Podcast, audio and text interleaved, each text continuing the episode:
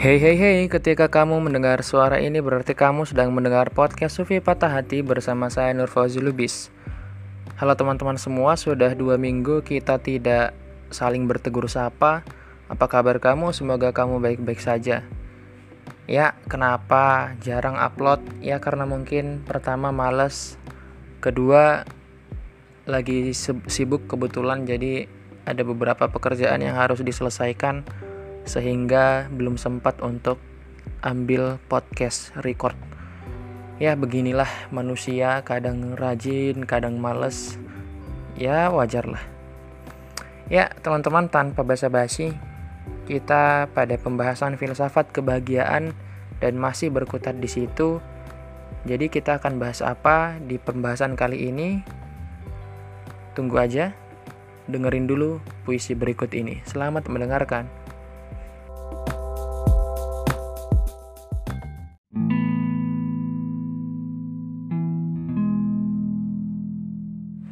Pada suatu gerimis, ku coba bertandang ke matamu. Kau suguhi aku dengan kopi, panas mengepul tanpa pemanis. Kala itu, pun kali kemudian, dan berkali-kali, tanpa pernah bertanya apakah aku menikmati rasa itu. Lalu pada satu hujan, tanpa basa-basi kau suguhkan aku kopi dingin. Tak ada kehangatan tak ada rasa lain. Pahit jadi fokus utama. Dan pada suatu kopi, kusajikan kau secangkir hujan. Kutaburi air mata, tanpa rasa, tanpa warna. Hanya dingin sebagai salam perpisahan.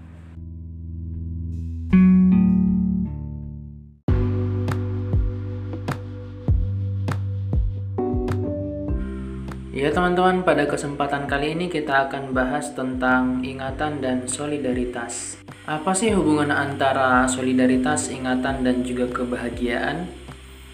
Kita buka dengan kenyataan sejarah bahwa dari tahun 1936 sampai 1945, Nazi memporak-porandakan umat Yahudi dan membunuh hampir sekitar 7 juta orang. Perang Dunia Kedua membunuh hampir 50 juta orang di dunia dan sekarang konflik berdarah Israel-Palestina yang banyak memusnahkan populasi dari kedua negara itu.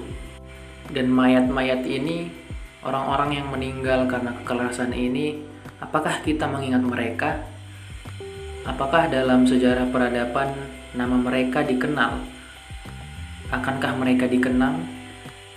Kita tidak tahu, sebab mereka tidak ada yang mengenal hingga ditelan oleh waktu dan kenyataan pahit kalau mereka bukan siapa-siapa. Atau ingatkah kita akan perjuangan bangsa ini sampai dia merdeka, mulai dari penjajahan dari Portugis sampai Belanda dan Jepang pada akhirnya? Banyak sekali kita rasakan tanam paksa, kerja paksa, dan berbagai penindasan lainnya yang dilakukan oleh kolonialisme dan imperialisme pada waktu itu. Maka menurut seorang filsuf Perancis Maurice Helwitz dia bilang kalau memori dan ingatan-ingatan pada satu bangsa akan masa lalu mereka harus dikenang utuh di dalam ingatan masing-masing.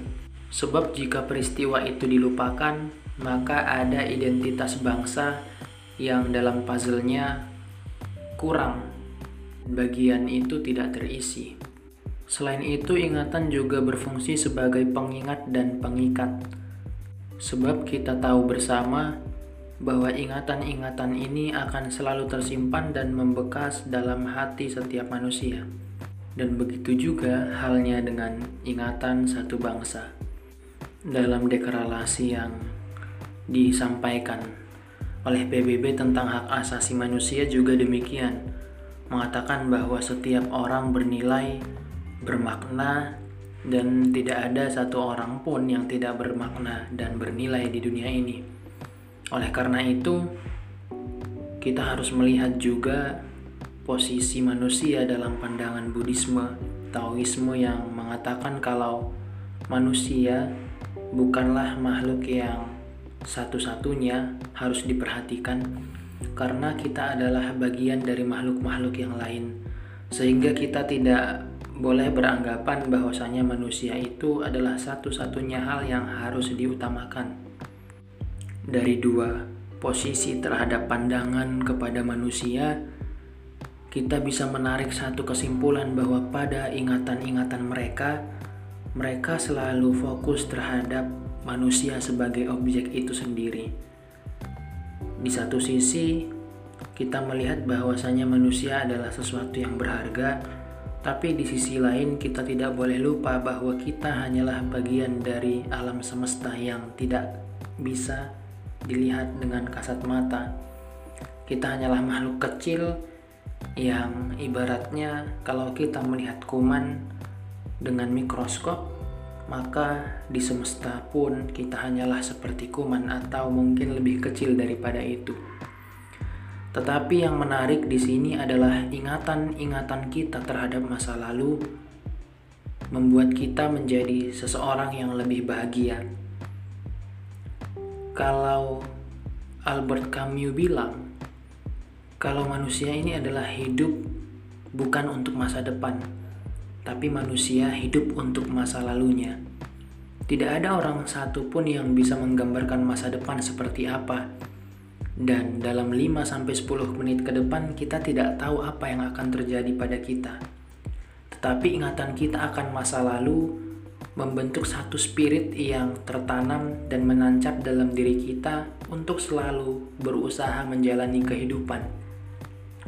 Seseorang yang belajar banyak dari masa lalu biasanya tidak akan jatuh lagi pada kegagalan-kegagalan yang sama. Inilah yang menyebabkan kebahagiaan. Kebahagiaan melahirkan uh, dilahirkan dari ingatan-ingatan dan solidaritas.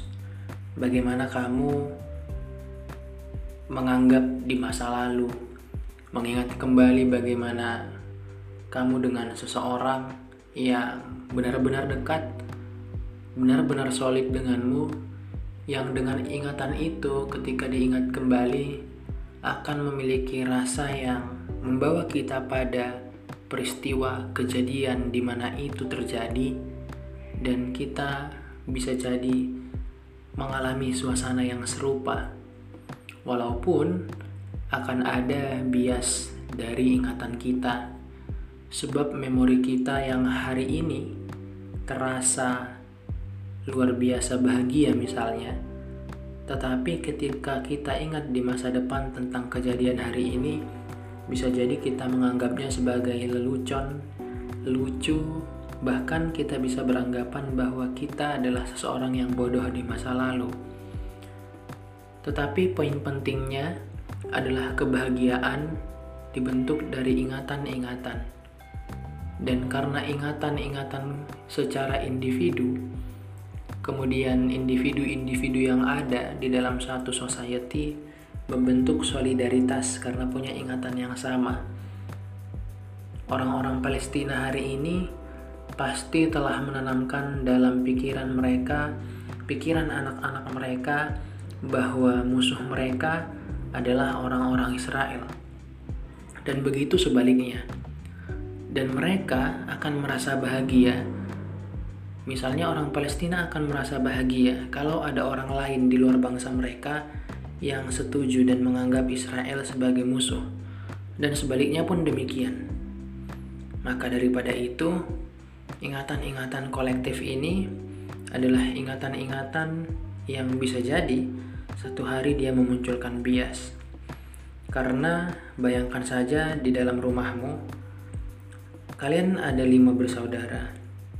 Kemudian karena doktrin dan nasihat-nasihat dari orang tua yang mengatakan sukses artinya dokter. Dokter adalah lambang kesuksesan. Tetapi tidak semua dari kalian menjadi dokter. Sehingga ingatan-ingatan masa lalu tentang kesuksesan adalah dokter bisa jadi memunculkan sebuah ketidakberdayaan bagi kamu dan juga malah menjadikan kamu insecure dan tidak bersyukur atas apa yang kamu hadapi dan kamu telah dapatkan hari ini. Ya teman-teman, di akhir podcast ini bahwa ingatan adalah sejarah. Ingatan yang kuat akan memberikan kepada dunia catatan tentang sejarah di masa lalu yang begitu baik dan kuat pula. Ingatan-ingatan memberikan kebahagiaan agar ada satu hal yang bisa engkau ceritakan yang nantinya akan menjadi sejarah, dia harus berasal dari ingatan yang kuat dan di dalam satu sistem masyarakat dia harus menjadi ingatan yang secara kolektif dipikirkan bersama-sama baik dia tentang nasib bangsa, nasib negara, dan yang paling terkecil adalah nasib dalam keluarga. Ya teman-teman mungkin itu aja bagian filsafat kebahagiaan dengan tema ingatan dan solidaritas. Semoga bisa menjadi manfaat buat kita semua. Terima kasih. Sampai jumpa di episode-episode selanjutnya. Keep positive and stay healthy.